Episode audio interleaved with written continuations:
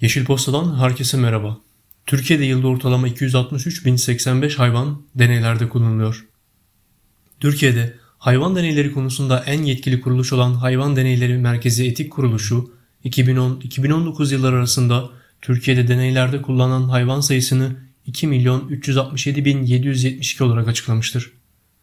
Hayvan deneyleri nedir?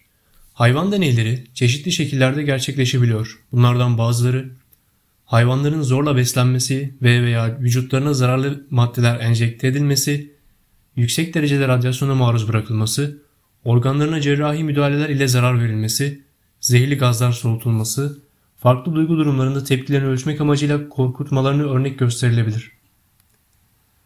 Bu deneyler sonucunda hayvanlar düzelmez, hafif, orta ve şiddetli olarak 4 kategoride sınıflandırılan şiddete maruz kalırlar. Eğer denek olan hayvanlar tekrar kullanılabilecek durumda ise hasarlarının tedavisinden sonra tekrar denek olarak kullanılır. Orta veya şiddeti az, eziyet, ıstırap yaşıyor veya kalıcı hasar var ise öldürülür. Hayvan deneylerinde hangi hayvanlar kullanılıyor? Dünya genelinde hayvan deneyleri için genellikle omurgalı hayvanlar tercih edilmesine rağmen bazı omurgasız hayvanlar da bu testlerde kullanılabiliyor. Deneylerde kullanılan hayvanlar ise maalesef şu aralar gündeme gelen tavşanlar ile sınırlı değil.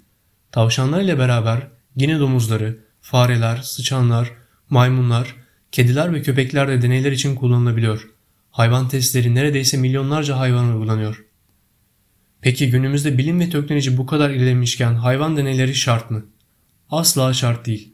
Hayvan deneyleri ilaç geliştirmede ve kozmetik ürünlerde güvenilirliği ölçme adı altında gerçekleştirilmesine rağmen hayvanlar insan vücudundaki süreçleri ta taklit etme bakımından sınırlı olduğundan testler net sonuçlar veremez ve bu nedenle güvenli sayılamazlar. Buna karşılık mevcut alternatif yöntemler, hücre kültürleri, mikrodoz uygulaması, doku organ banyoları, bilgisayar modeli ve simülasyonlar ve benzeri kullanılabilir. Gündem Avrupa ülkelerinden Türkiye'ye gönderilen plastik atıkların miktarı 2004'ten bu yana 196 kat arttı. Çin'in yasaklarından sonra Avrupa'nın yeni rotası olan Türkiye, 2020 yılında yaklaşık 660 ton 1000 ton plastik atık ihlal etti. Bu 2020'de her gün 241 kamyon dolusu plastik atığın Türkiye'ye girdiği anlamına geliyor.